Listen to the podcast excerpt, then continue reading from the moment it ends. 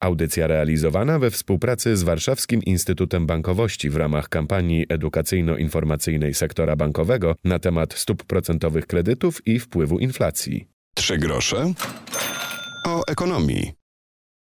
Piotr Topuliński, dzień dobry. Rozmawiać dziś będziemy o inflacji, o stopach procentowych. To tematy, e, które poruszaliśmy w ostatniej audycji, a myślę, że powtórka z wiedzy na pewno nam się przyda. Tym bardziej, że uzupełnimy ją jeszcze o wiedzę praktyczną. Naszym gościem jest Daniel Iwin, menedżer Wydziału Oferty Kredytów Hipotecznych mBank. Dzień dobry. Dzień dobry panu, dzień dobry państwu. I rozmawiać będziemy o kredytach, właśnie, o kredytach również, ale zanim e, słowo kredyt padnie, to może przypomnijmy sobie, czym są stopy procentowe, jak e, ten temat, to pojęcie łączy się z pojęciem inflacji, o której tyle w mediach ostatnio.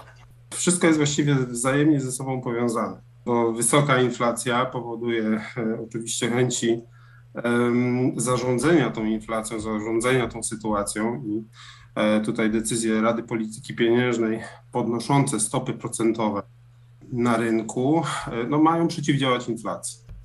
E, I oczywiście to jest dalej powiązane także z tym, że od poziomu inflacji, od poziomu stóp procentowych zależne są także stopy bazowe, które są potem wykorzystywane do oprocentowania kredytów hipotecznych gotówkowych, samochodowych, wszelkich innych. E, w Polsce taką stawką bazową jest e, obecnie WIBOR. Więc ten WIBOR też jest uzależniony od tego, jaka jest aktualnie sytuacja e, ekonomiczna w kraju i właśnie w szczególności jaka jest inflacja w kraju i jakie są stopy procentowe, te, które są ogłaszane przez Radę Polityki Pieniężnej.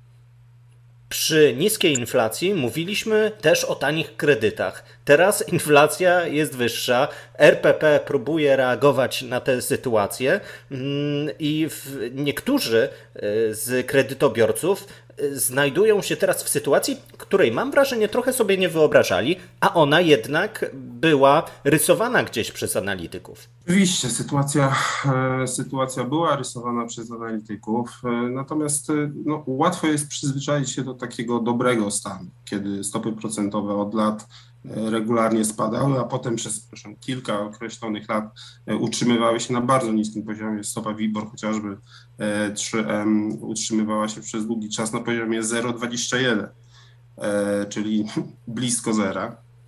Do takiej sytuacji oczywiście łatwo się E, przyzwyczaić i e, nawet pomimo tego, że oczywiście istnieją regulacje, według których e, pożyczkodawcy, kredytodawcy, banki pokazują klientom, jak może zmienić się sytuacja w przyszłości, bo jest to regulowane chociażby rekomendacjami KNF, a także ustawą chociażby o kredycie hipotecznym, E, to mimo wszystko no, klienci jakoś starają się bardziej myśleć tu i teraz. E, myślą e, częściej ratą tu i teraz, jaką, jaką zapłacą. Mm, chyba nie chcą przyswajać sobie dobrze takich negatywnych scenariuszy. Każdy chyba woli jednak myśleć pozytywnie. No a w tym przypadku teraz ten taki negatywny scenariusz zaczyna się nam spełniać. Tak? I zaczynam się zastanawiać, czy jak e, cudzysłów wszystko drożeje, tak samo będą drożały teraz kredyty hipoteczne na samochód czy e, kredyty konsumpcyjne? E, prawdopodobnie tak, dlatego że stawka bazowa WIBOR 3-miesięczna czy też 6-miesięczna, które są najczęściej właśnie używane do oprocentowania, do liczenia oprocentowania kredytu, ona znacznie wzrosła. Tak? Od właśnie chociażby sierpnia ubiegłego roku z, z tej stawki 0,21 do momentu obecnego wzrosła o 2,6 e, punkta procentowego. Więc ta zmiana jest e, na tyle istotna, że musi mieć wpływ na zmianę w ogóle oprocentowania wszystkich tych, e, tych kredytów. Jest to sytuacja zupełnie, zupełnie normalna. I oczywiście pewnie łatwiej przyjąć taką sytuację też E, kredytobiorcom, którzy mają kredyt hipoteczny albo którzy będą chcieli wziąć kredyt hipoteczny, bo przy kredycie hipotecznym każdy jednak musi zakładać długi termin e, tego zobowiązania i że raz będzie e, ta stopa procentowa wyższa, raz będzie niższa. I tutaj trzeba raczej myśleć o takiej swojej własnej zdolności do obsługi tego kredytu w długim horyzoncie czasowym. Natomiast no, te kredyty krótkoterminowe, no to zdecydowanie jest teraz E, na nie gorsza sytuacja z tego względu, że tu nie ma perspektywy takiej, że w ciągu 20 lat na przykład średnia stopa, która będzie używana do tego kredytu, w jakiś sposób się wypłaszczy, tak? że nie trafimy właśnie na tą górkę, na której obecnie się znajdujemy albo na którą się wspinamy nie poruszyliśmy jeszcze tego tematu, że kredyty mają różne oprocentowanie i niektórzy mogli zdecydować się na kredyt o stałym e, oprocentowaniu e, i mam wrażenie, że było to rozwiązanie mniej popularne w cudzysłów łatwiejszych czasach. To rozwiązanie masowo, można powiedzieć, że pojawiło się od lipca ubiegłego roku, gdyż to też wymóg jednej z rekomendacji KNF. Kilka banków wcześniej taki, taki produkt także miało. Natomiast trzeba mieć na uwadze to, że kredyty ze stałym oprocentowaniem to jest taki instrument też, e, którego trzeba się nauczyć. E, zarówno klienci muszą się e, nauczyć tego, że taki produkt istnieje, istnieje możliwość zabezpieczenia się na, na wypadek właśnie tych zwyżek stóp procentowych. Także banki muszą się nauczyć, w jaki sposób dobrze zarządzać takim produktem, żeby zabezpieczyć właśnie to ryzyko stóp procentowych jak najtaniej, bo przecież to jest ostatecznie dla klienta najważniejsze. Więc e, myślę, że jeszcze te, tego produktu mm, będziemy się przez, przez wiele lat uczyli. Zresztą to też pokazują e, rynki inne europejskie, gdzie te produkty też pojawiają się w takim toku powiedzmy ewolucyjnym, tak? stają się pewną właśnie taką ewolucją sposobu naliczania oprocentowania i to nigdy nie jest tak, że te kredyty stają się jakąś tam częścią od razu dominującą w sposób rewolucyjny. Także tutaj będziemy mieli jeszcze długą drogę, ale bardzo dobrze, że, że takie kredyty się pojawiły w, w ofertach banku, bo tak jak mówię, to jest taka naturalna ewolucja. Odchodzimy od coraz e, jakby trudniejszych i coraz bardziej ryzykownych opcji, co ma szczególnie znaczenie na przykład przy kredytach hipotecznych długoterminowych, na rzecz e, takich rozwiązań, które są właśnie długoterminowo e, jak najbezpieczniejsze dla klienta. To nie znaczy, że, że to jest tanie od razu od samego początku, bo tutaj trzeba. Zwłaszcza gdy wyobrazimy sobie ten stały koszt do 5-7 lat i te warunki spłaty takich kredytów są nieco inne i możemy nie mieć tego horyzontu w swoim życiu. 7 lat dla młodego człowieka to jest cała era. No, w chwili, gdy ja brałem kredyt hipoteczny, to jednak miałem, a też byłem młody, e, też miałem na uwadze to, że biorę jednak zobowiązanie na kilkadziesiąt lat. Tak? Oczywiście nominalnie na 30 lat, e, mając nawet nadzieję, że spłacę ten kredyt wcześniej, jednak wiedziałem, że to jest e, zobowiązanie długoterminowe. Um, oczywiście teraz um, młodsi kredytobiorcy mogą myśleć w zupełnie inny sposób. Um, to jest pewnie też rola duża banków, żeby właśnie nauczyć takiego myślenia o tym, E, co się musi zdarzyć teraz, żeby w przyszłości e, bezpiecznie obsługiwać kredyt hipoteczny. Co wziąć pod uwagę, żeby e, na etapie, kiedy bierzemy kredyt hipoteczny, żeby on faktycznie nam stanowił wartość w tym naszym życiu, żeby przyniósł nam coś dobrego, a nie stał się jakąś kulą u nogi. Także tutaj jest na pewno bardzo dużo rzeczy do zrobienia w takiej warstwie edukacyjnej. Prawdą jest na ten moment to, że duża część klientów, tak jak powiedziałem wcześniej, gdzieś tam odsuwa te negatywne scenariusze. Oni nie chcą e, do końca myśleć o tym, że coś może być e, nie tak, że stopy procentowe mogą pójść w górę. Bardziej e, myślą ratą tu i teraz, jaka rata jest tu i teraz. Natomiast w przypadku tych kredytów ze stałą stopą, my się chyba musimy nauczyć myśleć o nich jako o ubezpieczeniu pewnego rodzaju. Kupując ubezpieczenie, no ja przynajmniej tak mam, nie zakładam, że ono mi się opłaci że a złamie nogę i wówczas składka, którą wpłacę mi się zwróci. No lepiej jednak, żeby to się nie zdarzyło, nie? Tak, ale jednocześnie myślę o tym, że warto, żeby to ubezpieczenie miał. No i właśnie tu jest taka podstawowa różnica pomiędzy warto, a opłaci się, bo nie zawsze to, co warto, musi się nam opłacić ostatecznie i na odwrót, nie zawsze to, co się opłaci, e, warto, tak? I to jest hmm, kwestia no właśnie, ubezpieczenia pewnego ryzyku, ryzyka, ubezpieczenia pewnego spokoju wewnętrznego, że przez okres tych pięciu, siedmiu, być może e, w jakimś tam niedługim czasie, e, jeszcze w dłuższym e, terminie będzie można zabezpieczyć tą stopę procentową i po prostu wiedzieć, że moja rata, niezależnie od tego, co się dzieje na rynkach finansowych, wynosi zawsze na przykład 1000 zł, 2000 zł i tu się nic nie zmieni. To, to buduje poczucie takiej stabilizacji i bezpieczeństwa, której człowiek na pewno potrzebuje. jako społeczeństwo musimy się właśnie nauczyć wykorzystywania takiego mechanizmu, który niestety kosztuje trochę drożej.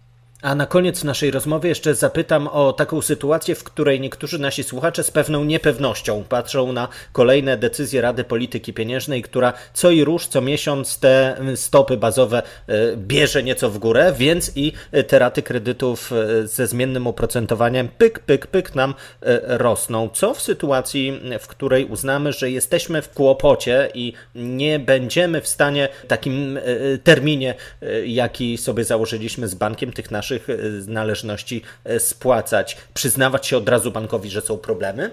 Tak by było najlepiej. Zadziałać proaktywnie, bo e, zawsze lepiej poinformować bank o tym, że można mieć problemy swego rodzaju. Banki mają różnego rodzaju instrumenty, które pozwolą trudniejszy okres przetrwać. Tak?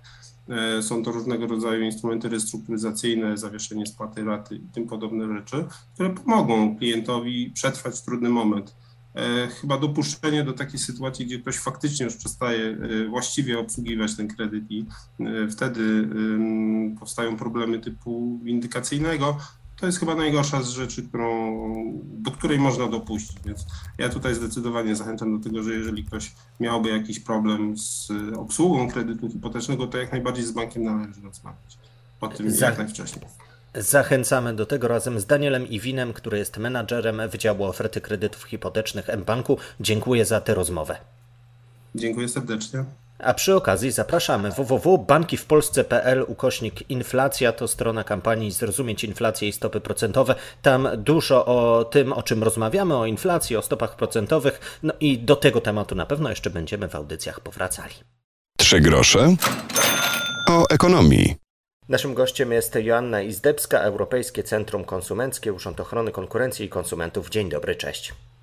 Dzień dobry. Przed wyjazdem za granicę e, często mówi się o Europejskiej Karcie Ubezpieczenia Zdrowotnego. Warto ją wyrobić, czy może jednak z YOLO i jakby się coś stało, to będziemy mogli zareagować po powrocie po szkodzie, a przed nie będziemy się bawili w formalności? Mm, wiadomo, że e, zdecydowanie lepiej jest ubezpieczyć się przed, e, przed takimi e, nieszczęśliwymi wypadkami. I ta karta ubezpieczenia, Europejska Karta Ubezpieczenia Zdrowotnego wszystkim jest bezpłatna, więc jak najbardziej powinniśmy ją sobie wyrobić, wyjeżdżając do innego kraju Unii Europejskiej, tym bardziej na, na narty czy, czy, czy poszaleć na, na, na stokach zagranicznych ponieważ przede wszystkim y, ta karta umożliwia nam bezpłatne leczenie. Niemniej jednak pamiętajmy też o tym, że ta karta nie jest y, wiecznie ważna. Jeżeli kiedykolwiek w przeszłości, w przeszłości ją wyrobiliśmy, to nie wcale nie musi oznaczać, że w dalszym ciągu możemy z niej korzystać. Warto na stronie Narodowego Funduszu Zdrowia, bądź na przykład w takich punktach, które są y, w niektórych miastach, sprawdzić, czy w dalszym ciągu ta karta obowiązuje, czy powinniśmy może ją tak jakby odnowić. Dobrze, ale wyjeżdżamy za granicę, jesteśmy kilka dni e, w państwach e, Unii Europejskiej, Europejskiego Obszaru Gospodarczego, odpoczywamy, e, no i okazuje się, że hotel, który uklikaliśmy w internecie, no nie wygląda taki, jakbyśmy chcieli. Co w takiej sytuacji należy zrobić? Znów cykamy fotki, spisujemy wszelkie cudzysłów dowody zbrodni, a co jeśli wypożyczyliśmy niekoniecznie hotel, a na przykład pokój, mieszkanie na portalach popularnych, z e, można również skorzystać przed wyjazdem. To znaczy, zawsze za, zawsze za wynajmem stoi jakiś przedsiębiorca. Nawet jeżeli wynajmujemy to na portalu pośredniczącym, to mamy portal pośredniczący, z którym możemy się skontaktować, który jest przedsiębiorcą i do którego możemy wysłać reklamację. Natomiast jeżeli e, wynajmujemy taki nocleg i on okaże, okaże się, że on całkowicie odbiega od oferty, bądź przynajmniej w niektórych kwestiach odbiega od oferty, to przede wszystkim zgłośmy to od razu, będąc na miejscu, bo być może okaże się, że faktycznie doszło do jakiegoś nieporozumienia, pomyłki i od razu zostanie nam dostarczona ta usługa faktycznie, którą e, zamówiliśmy. Natomiast jeżeli tak się nie stanie, jeżeli załóżmy ten pracownik hotelu powie nam, że no niestety tak wyszło i nie, nie jesteśmy w stanie nic zrobić, no to wtedy właśnie uruchamiamy nasz e, aparat niezawodny w telefonie, który wielu, przy wielu okazjach powinien nam służyć podczas naszych wyjazdów i dokumentujemy wszelkie niezgodności. I jeżeli już je udokumentujemy, to wysyłamy reklamację. I tutaj warto, szczególnie jeżeli rezerwowaliśmy na przykład hotel, bo często to robimy przez portale pośredniczące, możemy wysłać reklamację zarówno do bezpośrednio do hotelu, jak i do pośrednika, bo może się okazać, że tak naprawdę wina za źle skonstruowaną ofertę nie leży po stronie hotelu, tylko coś pomyliło e, pośrednikowi, to pośrednik źle ją skopiował.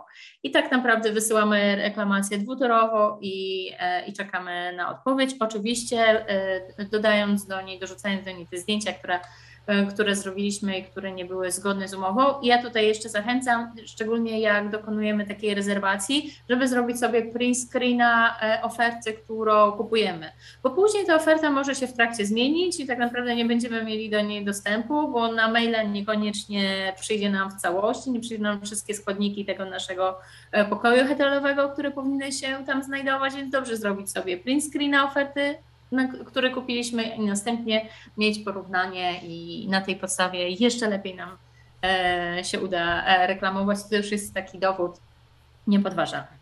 Przezorny zawsze bezpieczny, dlatego warto przed podróżą lub jej w trakcie przeczytać więcej na temat praw, jakie nam jako konsumentom przysługują. To zaprośmy jeszcze do skorzystania z e, waszego portalu, bo tam też jest kompendium, jeśli chodzi o e, podróże, jeśli chodzi o załatwianie różnego typu spraw. Dokładnie. Europejskie Centrum Konsumenckie działające przy WOKI pomaga konsumentom w sprawach transgranicznych. To znaczy wyruszamy sobie jako polscy konsumenci do innego kraju i w wyniku e, różnych transakcji, które nawiązaliśmy z przedsiębiorcami, dochodzi do różnych niezgodności. I przedsiębiorcy, jeżeli nam odmawiają, to możemy się zgłosić po pomoc do Europejskiego Centrum Konsumenckiego, który należy do sieci. Czyli my mamy takie centrum jak my w każdym kraju Unii Europejskiej, Norwegii, Islandii i wciąż Wielkiej Wielkiej Brytanii, czyli na przykład y, dzięki temu ta sprawa z takim na przykład austriackim przedsiębiorcą może zostać rozwiązana we współpracy z ECK Austria. I jeżeli my jako Polacy mamy taką y, sprawę, możemy całkowicie tę sprawę rozwiązać za pomocą Polskiego Centrum, bo my się kontaktujemy z Centrum Austriackim. Dlatego zachęcamy do wejścia na naszą stronę konsument.gov.pl, na której znajdują się nie tylko potrzebne informacje, ale również informacje, jak się z nami skontaktować, jak złożyć skargę. Nawet będąc na miejscu, Możecie, można się z nami skontaktować telefonicznie, ponieważ nasz dyżur trwa od poniedziałku do piątku w godzinach między 10 a 14, więc y, będąc na miejscu również można zadzwonić, a jeszcze mamy dodatkowo taką aplikację ECCNet Travel, która e, przybliża prawa konsumenta, będąc w podróży, ona działa zarówno, e, ona działa również offline, więc nie potrzebujemy do niej internetu, a dodatkowo e, podpowiada zwroty w językach e, wszystkich krajów Unii Europejskiej. Czyli jeżeli jesteśmy w jakimś kraju, w języku, w którym się nie potrafimy porozumieć, to ta aplikacja podpowie nam zwroty i możemy, załóżmy, pomóc nam w rozmowie z przedsiębiorcą, na przykład ze Słowacji czy z Czech. Grazie mille. Joanna Izdebska, Europejskie Centrum Konsumenckie. To udanych ferii życzę. Oby bez ja problemów. Również, ja również i tak, dokładnie, oby bez problemów.